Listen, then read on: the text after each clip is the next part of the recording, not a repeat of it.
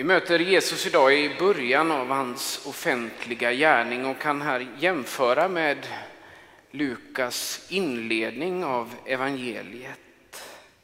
Lukas skriver, många har redan sökt ge en samlad skildring av de stora händelser som ägt rum bland oss, så som de har berättats för oss av dem som från första stund blev ordets tjänare säger Lukas i det första kapitlet och i det som kom att bli det femte kapitlet så tar Lukas upp den här tråden igen med dem som från första stund skulle bli ordets tjänare.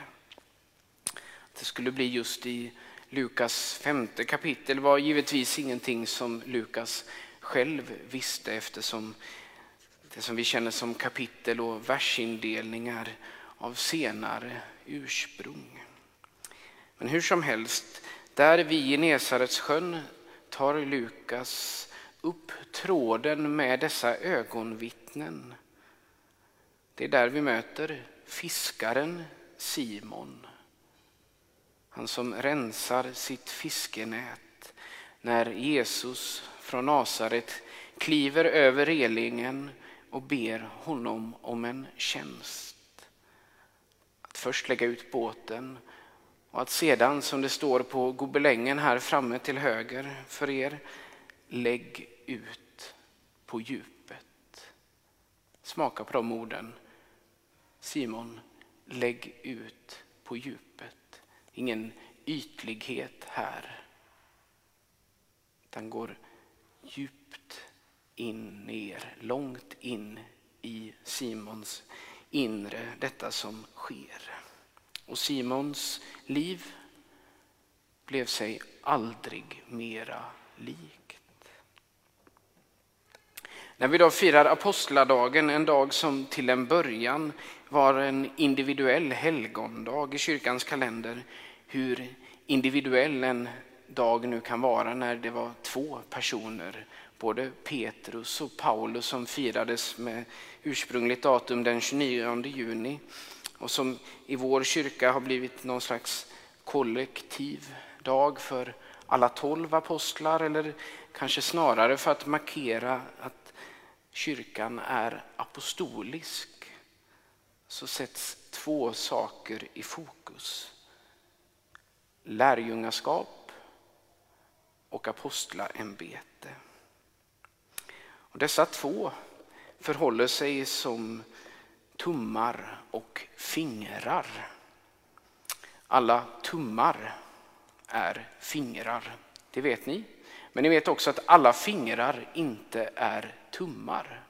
På samma sätt med lärjungar och apostlar. Alla apostlar är lärjungar, men alla lärjungar är inte apostlar.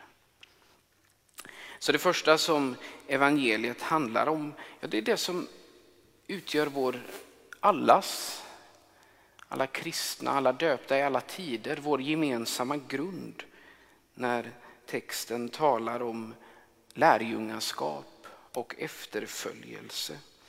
För Simon började det, som vi hört, med att Jesus ville använda hans båt och hans kunskap. På samma sätt vill han använda oss. Sedan går det fort och det berättas egentligen ingenting av tankar och känslor. Varken hos Simon eller hos någon annan. Istället bara detta Simon böjer knä. Kastar sig på marken och bekänner att han är en syndare. Och det verkar som att det enda som krävs, det enda som behövs för att dessa i fiskelaget skulle få detta uppdrag att gå ut med evangeliet, kallelsen att bli människofiskare. Det är den stora bävan som kommer från djupet av en människas inre. Simon blev Petrus, fiskfiskaren blev människofiskaren. Hans gamla kunskaper används på nytt sätt. Senare kom Saul att bli Paulus. Förföljaren blev efterföljaren. Och han fick använda sin kunskap i skriften för att vittna om att Jesus är den utlovade Messias. Och på samma sätt söker, Gud, söker Jesus än idag efter människor med ödmjuka hjärtan där han kan lägga sin skatt och låta evangeliet nå ut. För Simon och hans vänner och några till slutade dock inte med lärjungaskap och efterföljelse. De blev inte endast lärjungar, de blev också kyrkans apostlar. En unik uppgift i både kyrkans och världens historia. Med början som enkla, vanliga människor, men efter pingsten vägde deras ord lika tungt som om Jesus själv hade sagt dem. Redan efter pingsten i Apostlagärningarnas andra kapitel så kan vi läsa om hur alla lärjungar höll sig, inte till Jesu undervisning, även om det såklart var det, men det som används är apostlarnas undervisning. Apostlarna är kyrkans pelare och de gav sina liv för Jesus. Det är detta som evangeliet, det andra som evangeliet sätter i fokus, apostlaämbetet. Och det här hänger ihop med att kyrkan som Guds folk är ett ordnat folk med början att Jesus utvalde tolv apostlar, Simon och hans vänner och några till. Och med detta förhåller det sig alltså som med tummar och fingrar alla apostlar är lärjungar, men alla lärjungar är inte apostlar. Fortsättningen av Lukas evangelium, i det som kom att bli det nionde kapitlet, kan vi läsa om hur Jesus utväljer en större grupp lärjungar och han sedan sänder ut tolv stycken.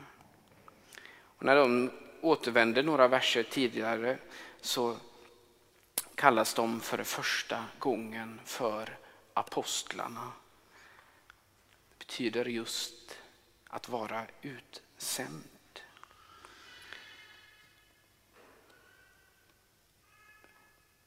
Och när denna skara efter Jesu död, efter himmelsfärden ska välja en tolfte kapitel efter, som det heter om Judas, efter att han hade lämnat sin plats då ger Petrus ett kriterium i Apostlagärningarnas första kapitel för att utvälja en ny apostel. Det säger Petrus. Därför måste nu någon av dem som var med oss under hela den tid då Herren Jesus kom och gick ibland oss.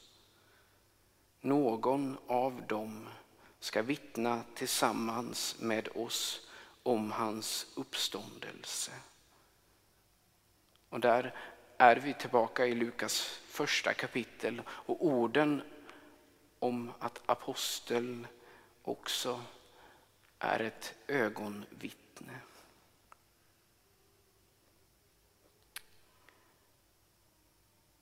Men som sagt, det grundläggande har vi alla gemensamt. Alla som genom dopet och tron hör till Jesus. Ja, för tummar och övriga fingrar är det lika.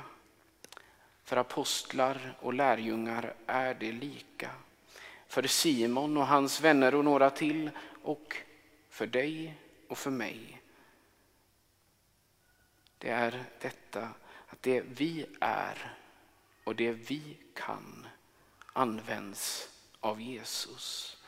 För att bli använd av Jesus, det är det finaste förtroendet en människa kan få.